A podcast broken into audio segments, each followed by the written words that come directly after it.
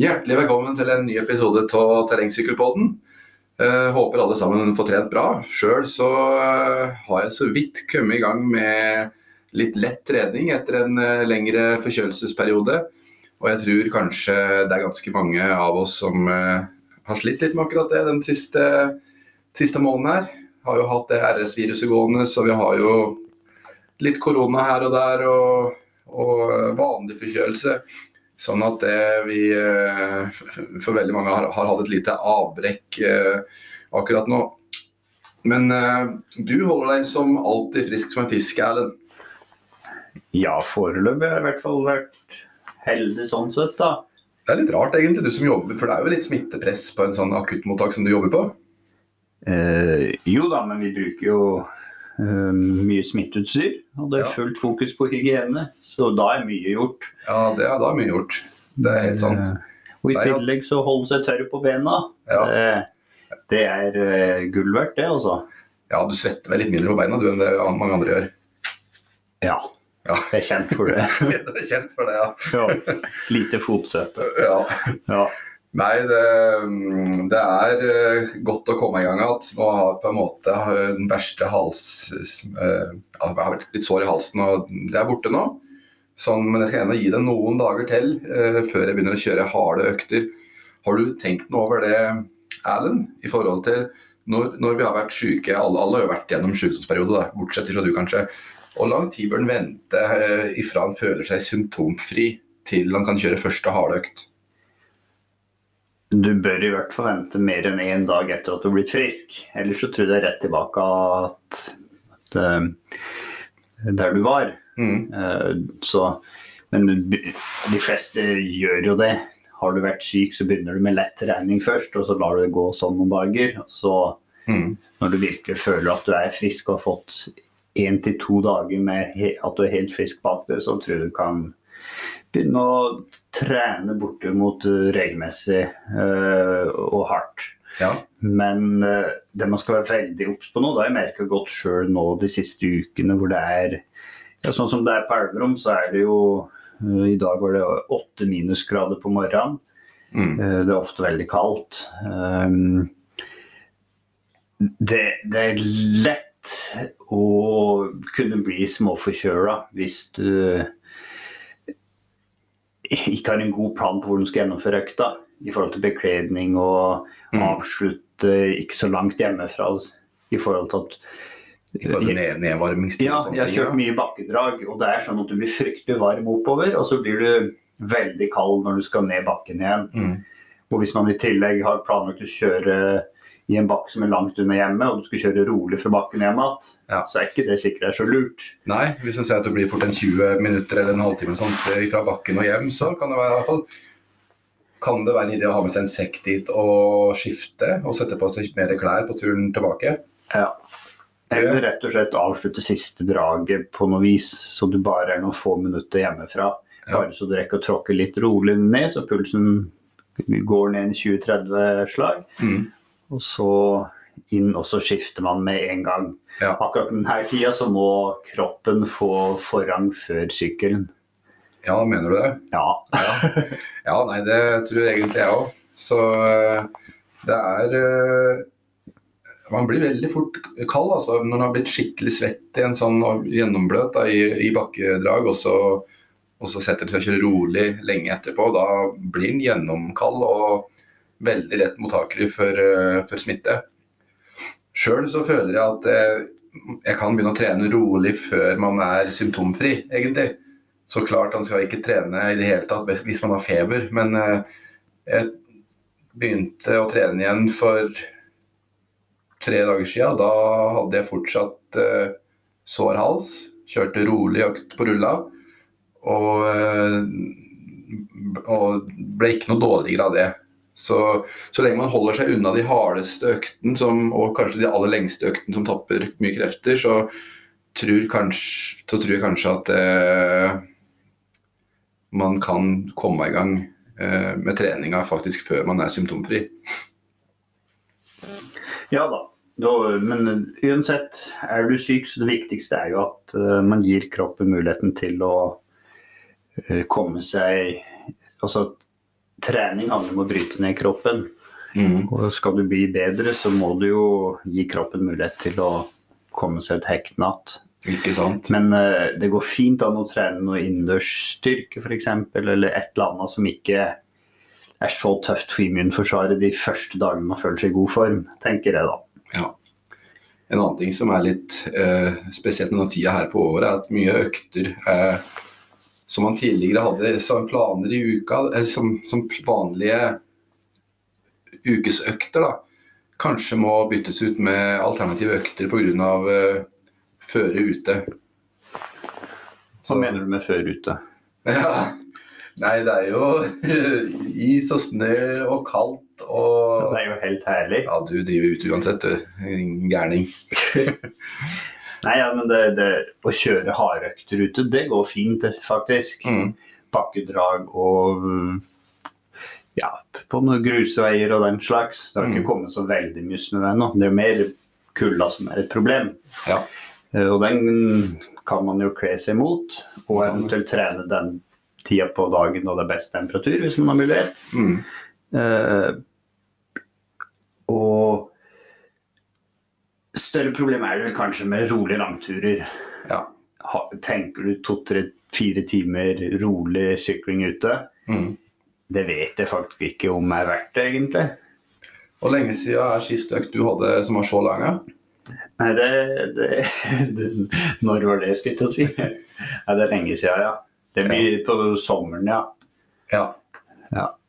Ja, ikke sant? Nei, men da Det er eh, kanskje en måned siden, da. Siste tretimerstur. Mm.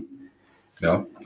Men det du begynte å prate litt på der i stad, så du pratet på at kropp, viktig, eller det som var viktig, da, var at, at kroppen eh, skulle gis anledning til å hente seg inn igjen. Det, det bringer oss over til eh, det tema, eller treningsprinsippet vi skal prate om i dag, som er prinsipp, altså, prinsippet om variasjon. Nei, nå tuller jeg. Prinsippet om restitusjon. Og det handler jo rett og slett om at eh, for å bli bedre, så må man òg ha restitusjon. Treninga i seg sjøl, det er jo egentlig en, en nedbryting av kroppen. Så det er det som skjer eh, etterpå, når kroppen bygger seg opp igjen, at man vil få eh, et høyere nivå. Så, men når det gjelder restitusjon, så er det jo masse andre ting enn bare det med hvile.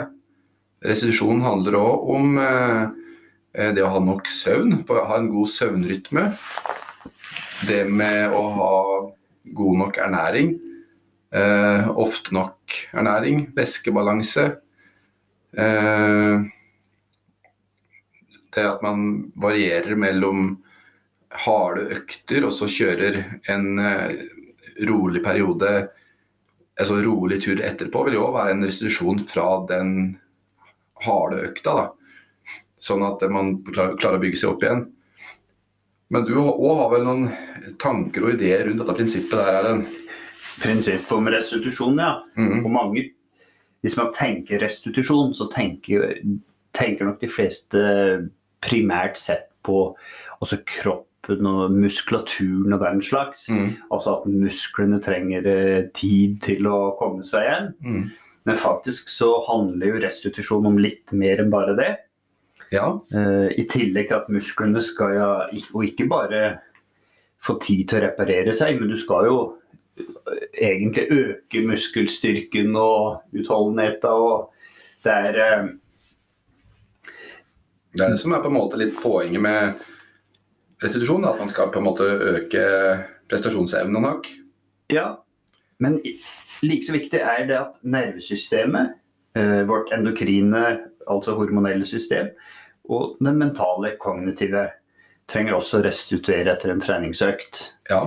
Det, altså, hele kroppen trenger hvile om du skal ta nye steg. Mm. Uh, og hva som skal til for å restituere, er jo individuelt. Mm. Man har forskjellig uh, Man kan jo si at det tar kortere tid å restituere muskulaturen enn f.eks. det kognitive eller uh, hormonelle systemet. Ja. Ehm, så, så, men det, det, er jo viktige ting man kan gjøre. Og det viktigste er at man begynner restitusjon med en gang etter treningsøkta. De første timene er de viktigste. Mm. For mange så kan det med altså avslapning, eh, bevegelighetstrening, altså kanskje uttøying, Mm.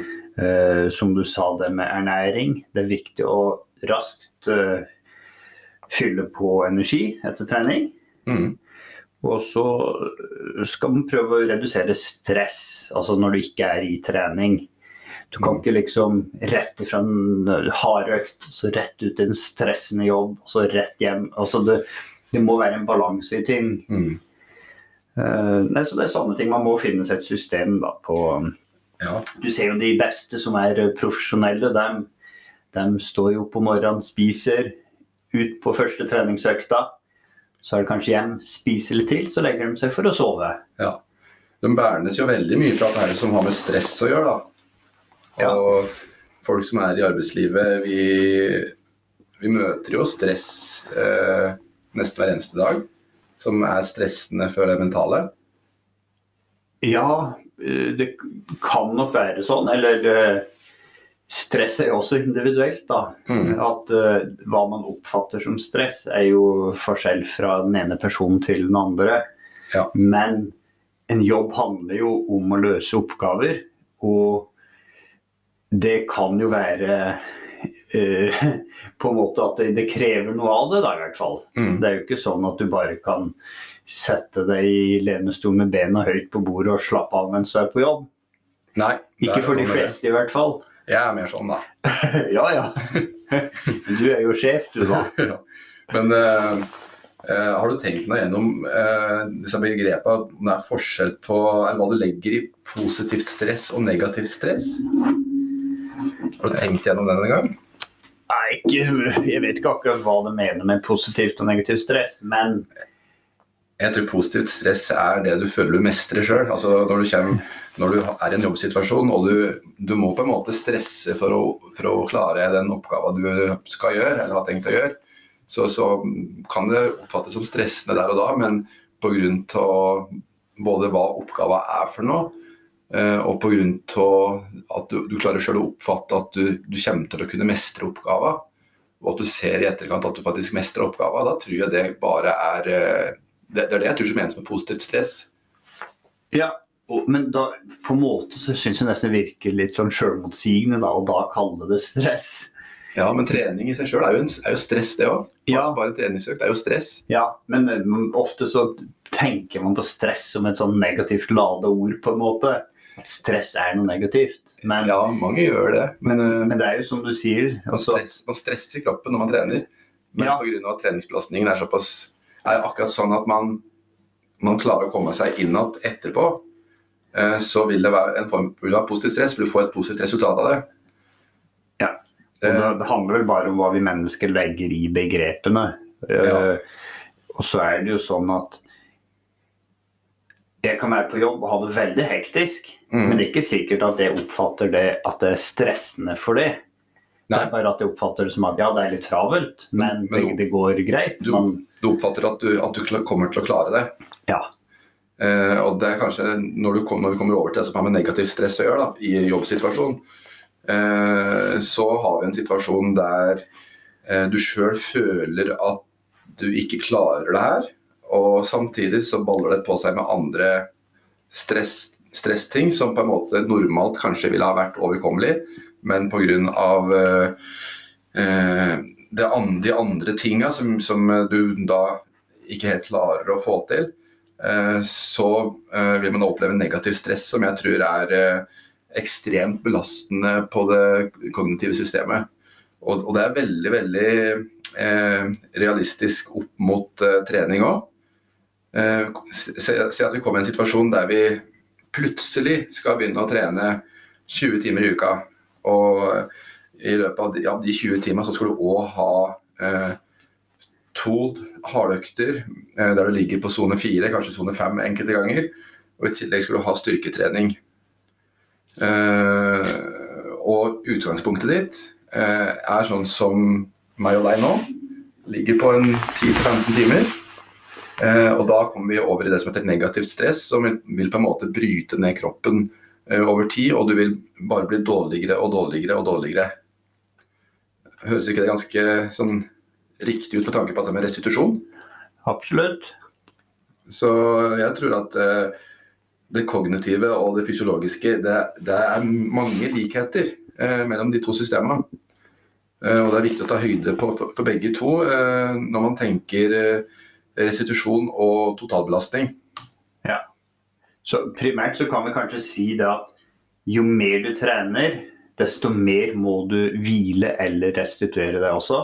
Ja, du kan ikke utsette deg sjøl for, eh, for, mye stressituasjoner utafor. Nei, og det er vel derfor vi har vært litt opptatt av at du er uh, mer opptatt av å trene ti gode timer i uka mm. enn kanskje nødvendigvis trene 20 timer.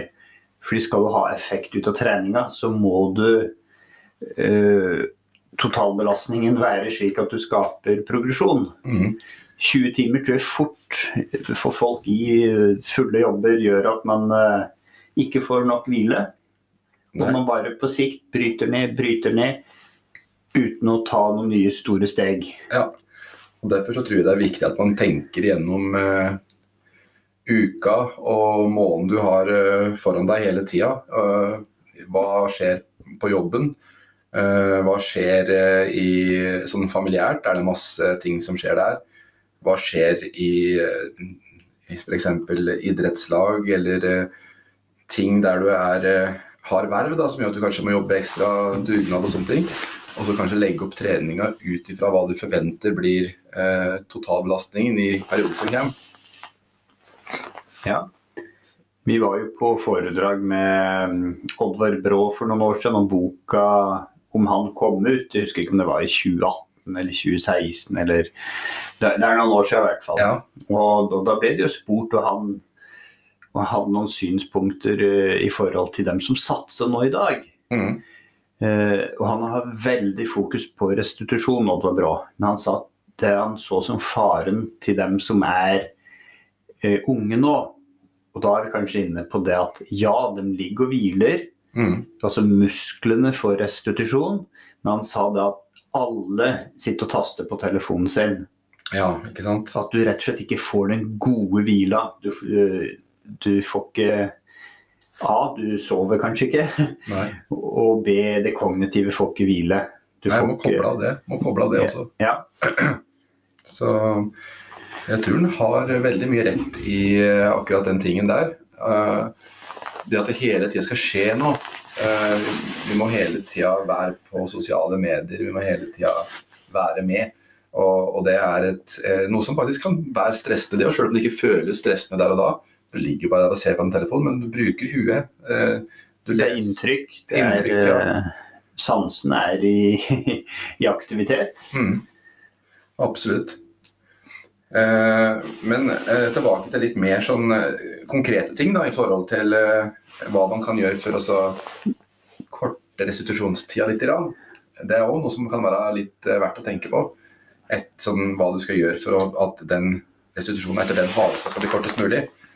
Og en ting som jeg tenker kan være lurt da, det er at man er i næringsbalanse og væskebalanse eh, i forkant av økta.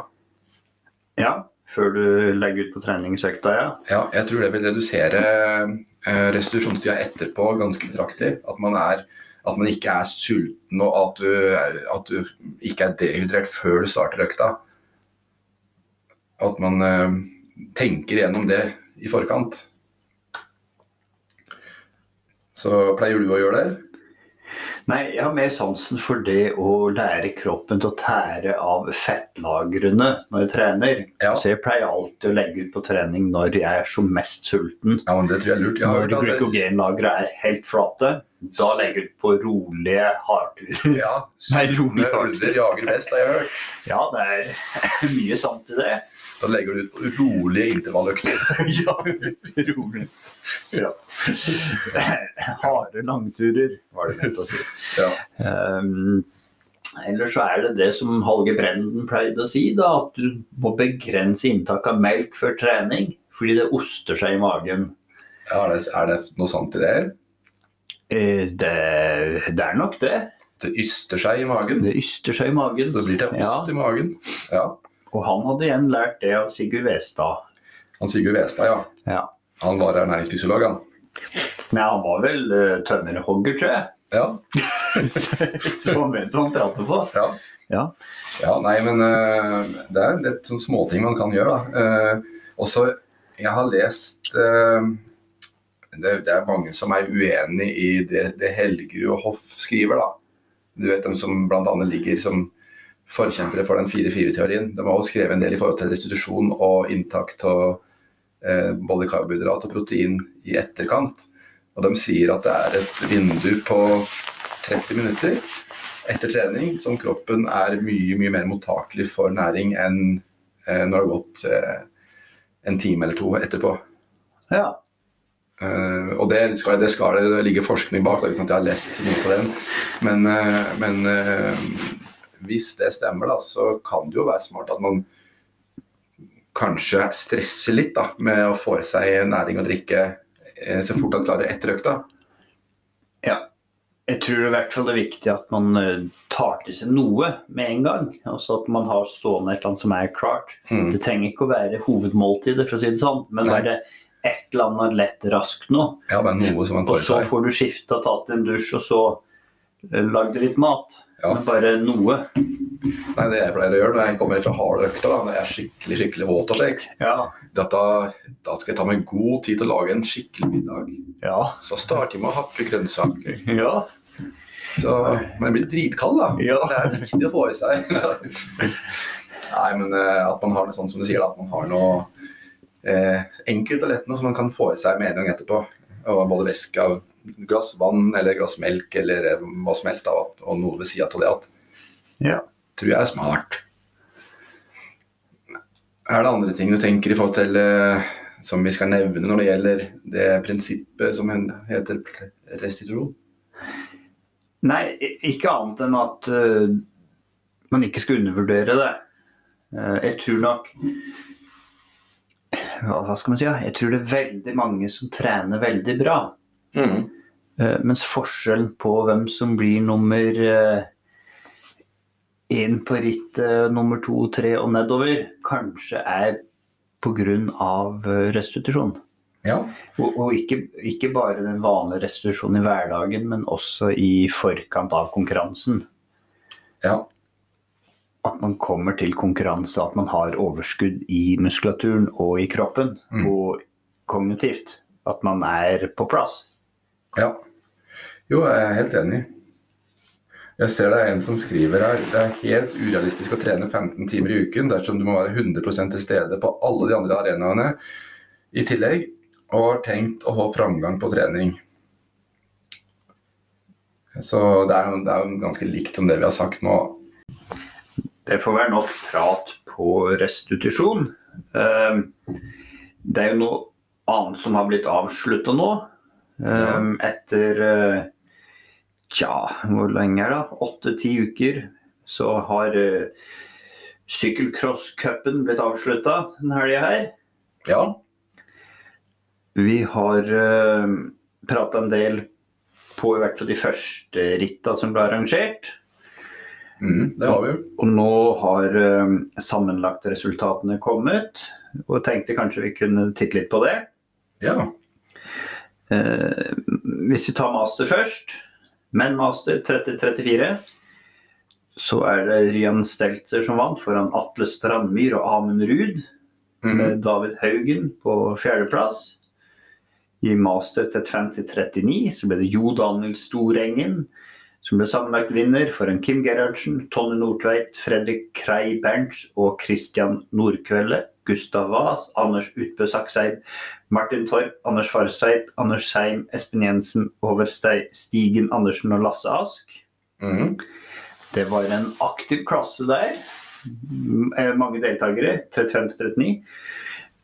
I master 40-44 kan eh, Sven Kalat fra Grenland SK Ikler seg sammenlagte drakta foran Jan Christian Haugenes fra Eiker CK Oi, oi. og Martin Ler Sandstad på tredje. Før eh, Ørjan Bohin, Thomas Libe, Kristoffer Nysæter, Joakim Karlsen Mulelid. I 50-54 ble det Tore Fonn foran Torolf Hestnes og Thomas Fergestad. Eh, og Markus Schard, Tom Atle Bordvik, Arve Hauklin Røren, Brynulf Spalder, Arvid Fredriksen, Håkon Svendsen, Viktor Lorentz, Dag Henning Saurdal, Håkon Svendsen, Colin Eik, Helge Kolstad og Vidar Olsen. Mm. Det ser ut som det blir flere og flere deltakere jo høyere opp i aldersklassen du kommer. Ja. tenkte jeg skulle nevne en ting. Jeg ser på Instagrammen her at, at eh, det, det ser ut som Gjertrud Bø har gjort det veldig bra. Ja, men det, hun er vel kanskje ikke i master. Uh, nei Vi får se. Vi, kom, vi får gjøre oss ferdig med mennene Jeg først. bare da. bryter inn med alt mulig rart her. Jan Olav Beitmyr vant master 55 til 59. Ikke overraskende. Vi har jo latt oss imponere av han i hele år. Vi både på sykling, eh, bare terrengsykling og langrenn. Og nå i cyclecross. Ja. Foran Terje Johnsen, Svein Aalrust, Mikael Johansson, Stein Erik Bertelsen, Petter Rørfors, Tord Bern-Hansen, Torben Jørgensen og Arne Folmer. Mm. Her skal vi se om det er noen som er over 60 år som sykler. Det tok litt tid å få opp lista. Mm, Kanskje det ikke er noen der, at det er derfor. Eh, Vi får se på Master 65-69. Der har vi Harald Nybru og Geir Asbjørn Nilsen. ja, det er artig at eh, folk satser i den alderen der. Ja, I 60-64 nå fikk opp det. Arild Toft og Karl Johan Pedersen. Mhm. Ja. Og hvor gamle var de? Den var i 660 til 64. Uh, i, på kvinnesida så vant Katrine Hofstad i 35 til 39. Mhm. Eh, en litt sånn rotete liste her. Man må hoppe opp og ned. Skal vi se. Kvinner eh, 50 til 54. Cindy Coe Enevoldsen. Det er ikke så mange deltakere her. Nei. Og Tone Kristin Larsen i 55 til 59. Ja. Jeg tror det var 60 til 64. Der var det Gjertrud Bø. ja, se der, ja. Sa jeg at hun ikke sykla master? Du sa det. Ja. Hun gjør vel det, da. Ja. Nei, det er vedtatt. Nei, men det er bra. Jeg har eh, lagt merke til eh, hun på Instagrammen og, og eh, ser ut som hun både trener veldig bra og uh, gjør det bra på sykkelritt.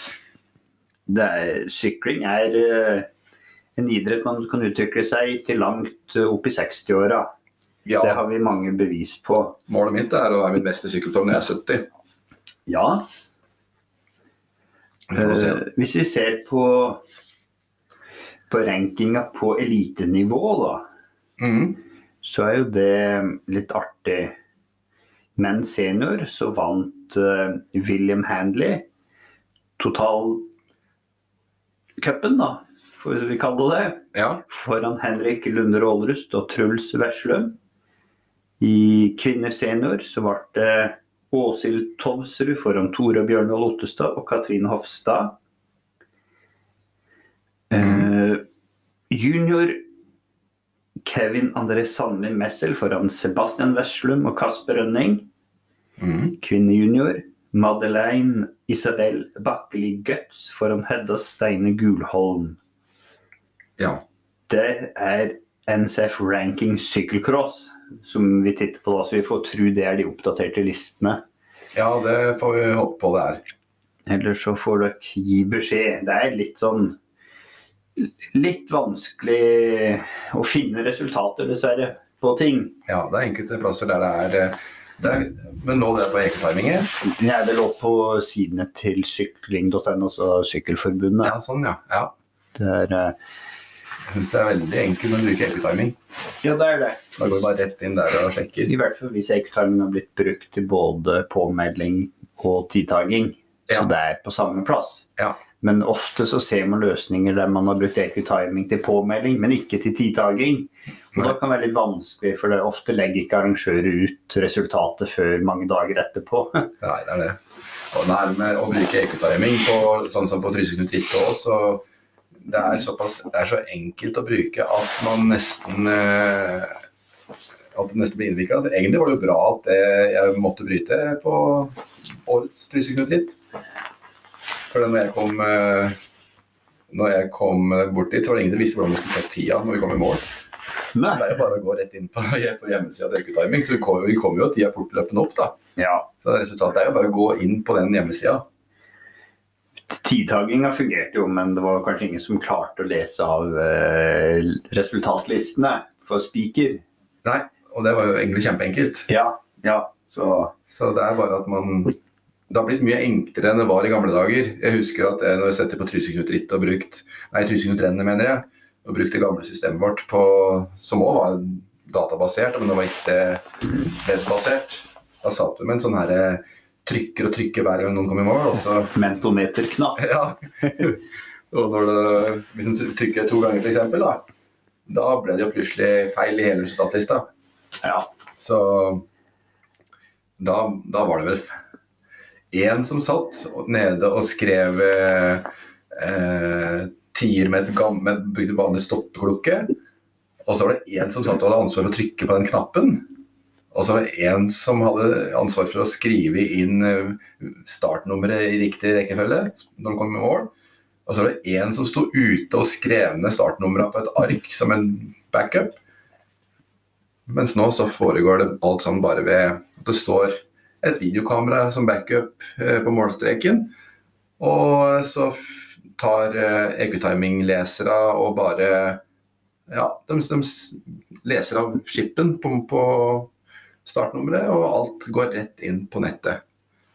Så nå, nå har vi reklamert bra for Ecotiming, har vi ikke det? Vi har det. Får ikke trett øre for det engang. Nei. Men det er jo sånn, er man fornøyd med systemer og ting, så bør man si det òg. Ja. Der, eh, vi håper jo at sånn som Ecotiming virkelig kommer seg gjennom uh, de årene her med korona, og at de fortsatt kan utvikles som selskap. Ja, de har nok måttet gått på halv drift der nå.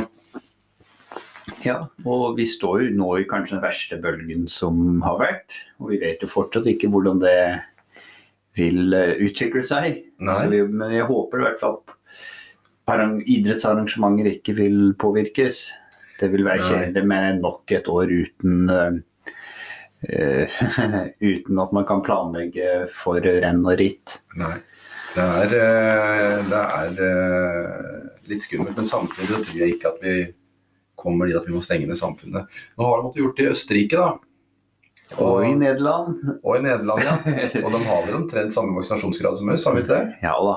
Så men det, det, er mer politikk, da, vet du. Den nedstenginga. Det er ikke alltid hva som er uh...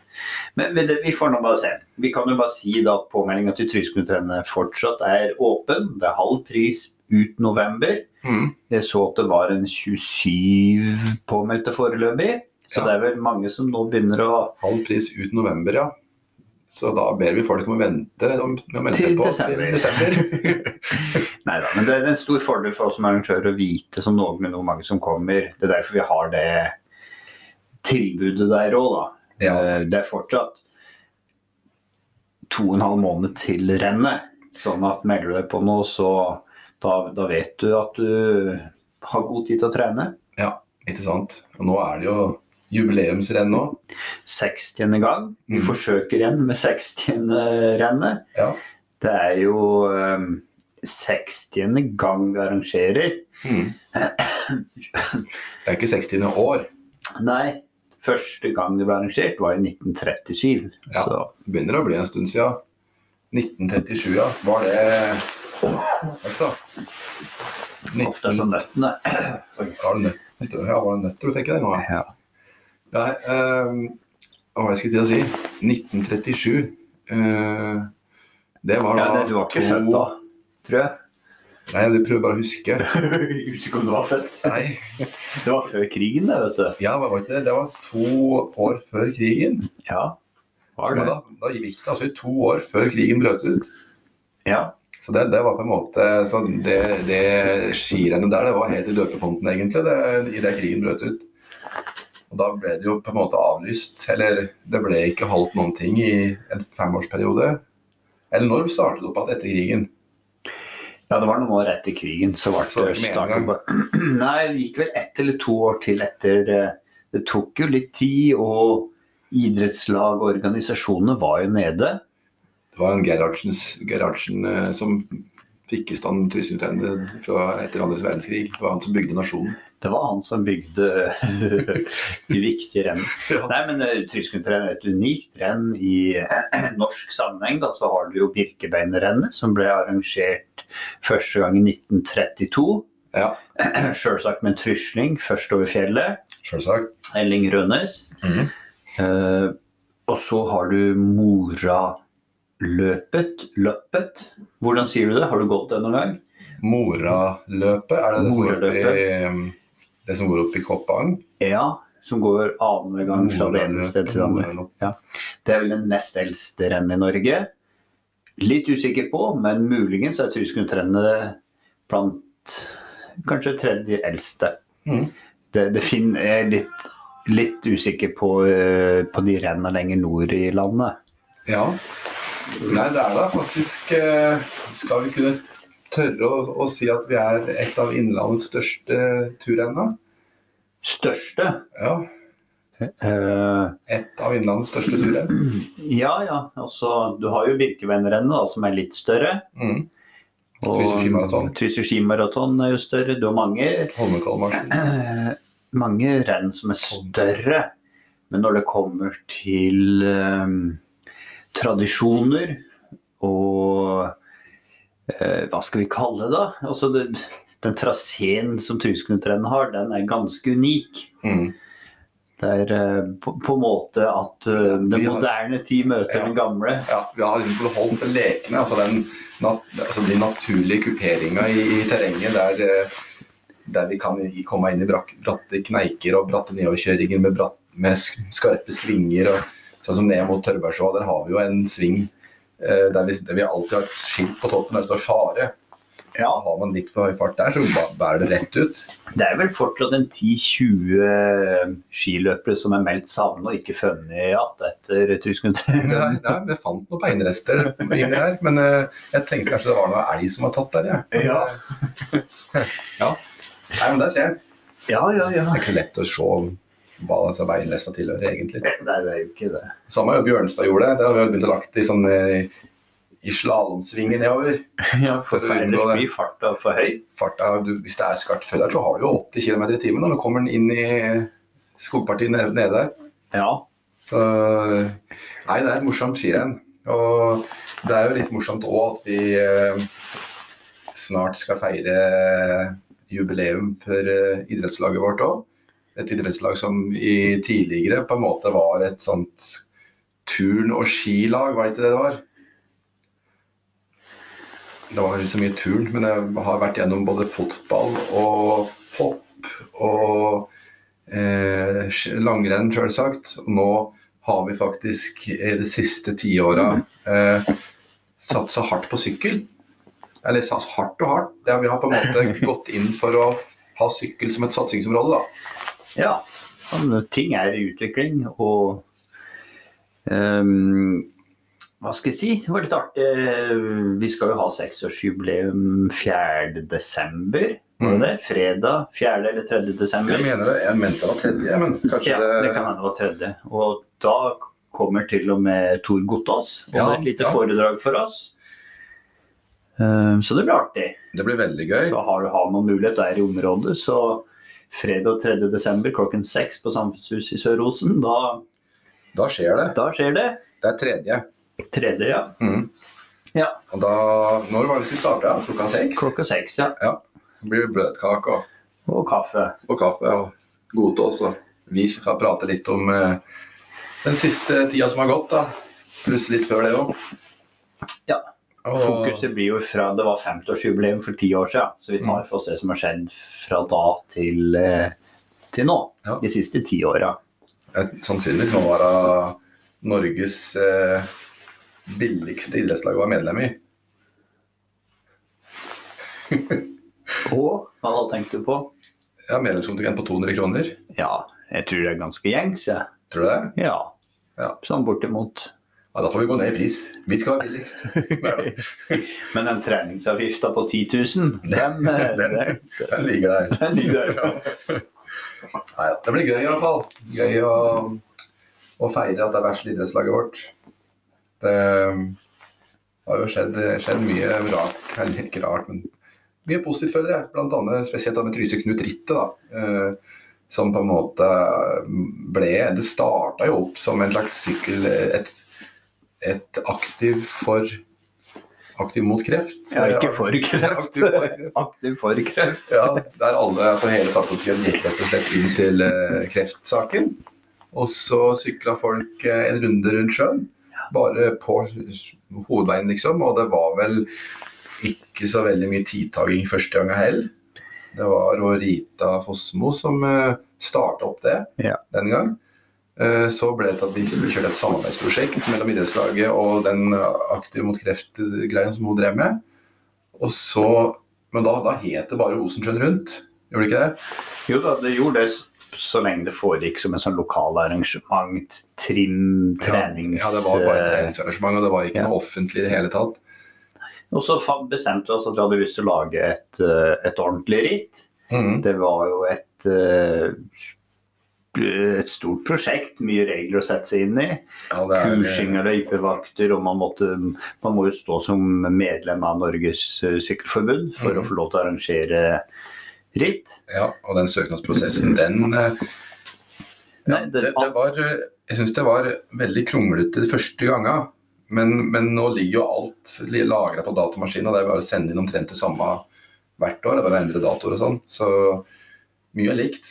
Vi fikk Ja. jo bl.a. støtte fra var det fylkeskommunen som støtta oss med eh, 50 000 for arrangementsutvikling.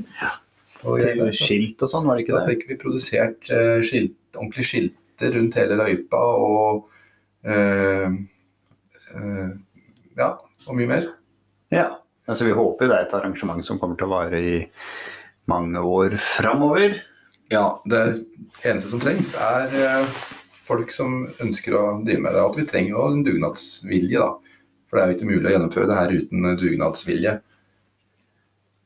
Det er det, det er det viktige. Det er jo spesielt at det her med eh, veivakter, eh, som er veldig kritisk. At de som da har tatt kurset vi, vi, Hvor Mange var vi kursa ti. Det kan, i hvert fall på de vaktene som har lov til å stanse og dirigere trafikk. For det er Mm. det som er greia. Skal du bare være en vanlig løypevakt som bare har lov til å vise vei for syklistene, som det heter, eller Ja, du trenger vel et kurs da? da tar du bare et enkelt nettkurs som Ja. du tar over et par kvelder. Men det er dette um, kurs som det heter stasjonær løypevakt. hva Det heter.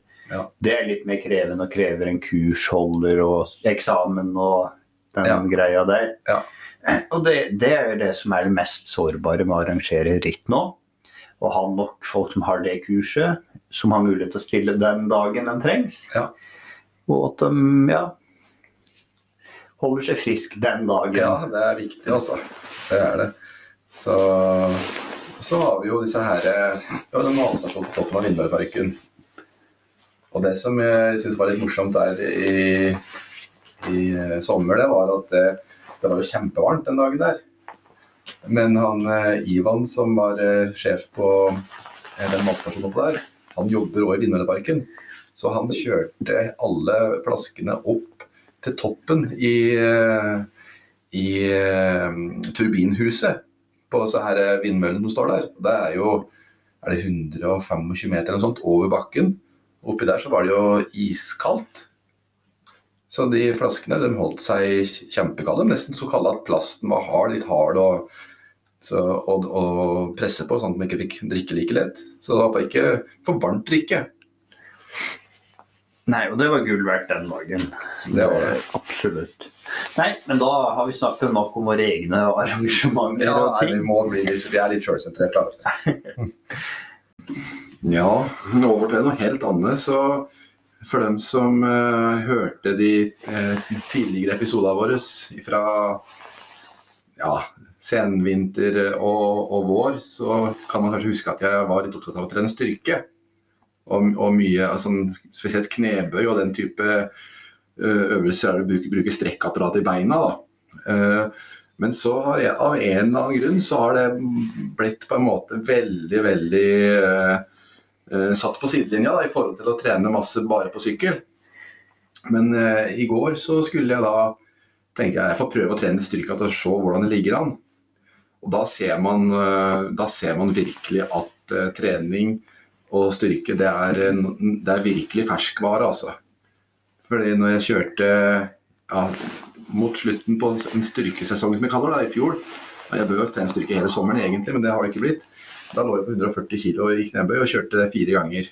Fire, set, eller fire reps, mener jeg. Og så tenkte jeg at jeg får ta, begynne veldig veldig forsiktig og la på, på 90 kg nå i går. Og skulle til å begynne å trene med det. Og det var, ja, var, så, det var så tungt. Og skulle kjøre, kjørte jeg to sett. Og Tenkte skulle begynne på tredje settet og skulle til å løfte da, og der kom krampa. Og det var ikke sjans, jeg måtte bare avbryte. Så da ser man. Det, det greien der, det er noe man virkelig må holde ved like hvis man skal drive med det. Ja. Men jeg tror virkelig ikke du er alene om å dette ut av styrketreningsopplegg. Nei, Jeg håper kanskje at noen andre òg kjenner seg litt igjen. da.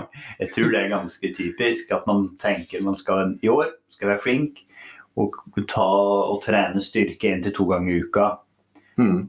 For å ha et grunnlag, kjernemuskulatur, og fri, ha litt god trening der. Mm. Men så, det første som detter bort, det er som regel det. Det er det. Så Og så vet jeg ikke alltid hvor viktig det er. Jeg tror kanskje det er mer viktig i forhold til å forebygge skade enn å, at du nødvendigvis blir bedre av det.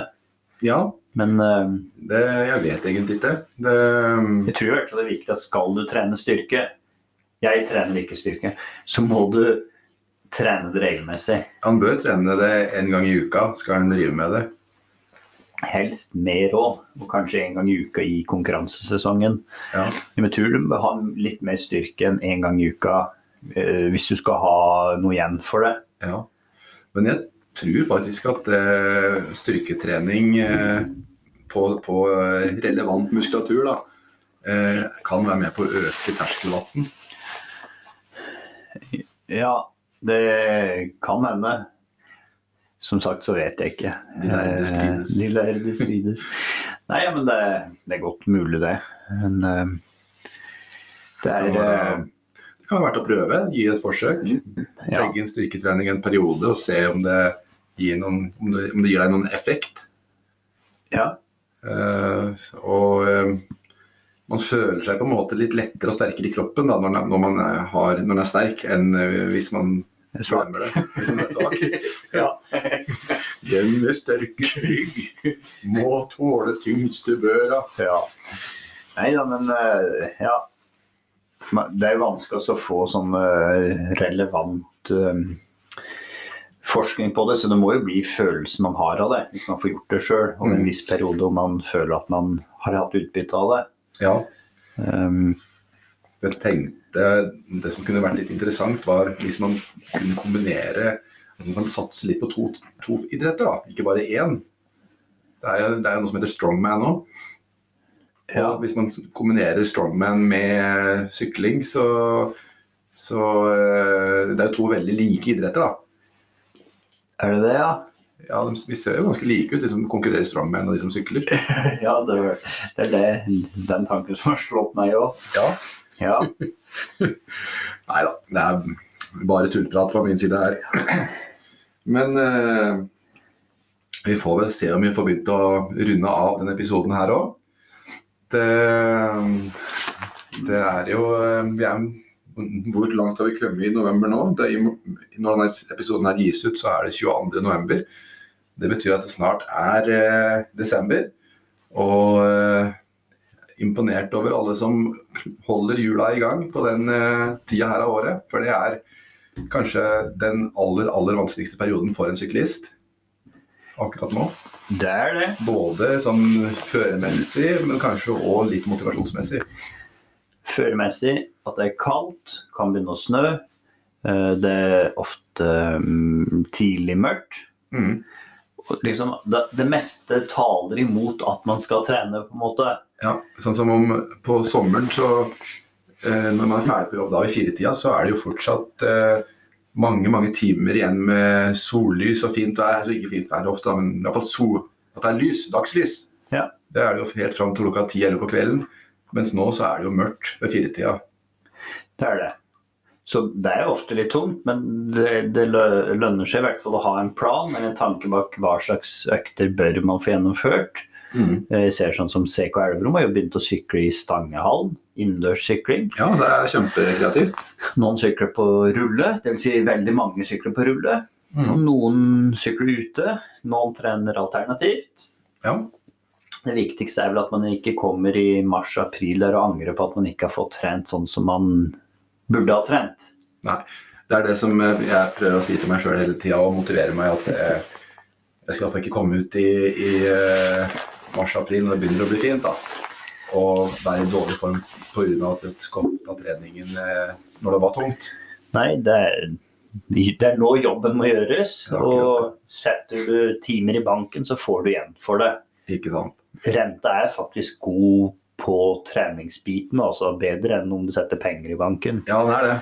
Så men da får vi egentlig bare si takk for nå, og så høres vi igjen som alltid på neste mandag. Ha det bra. Ha det bra.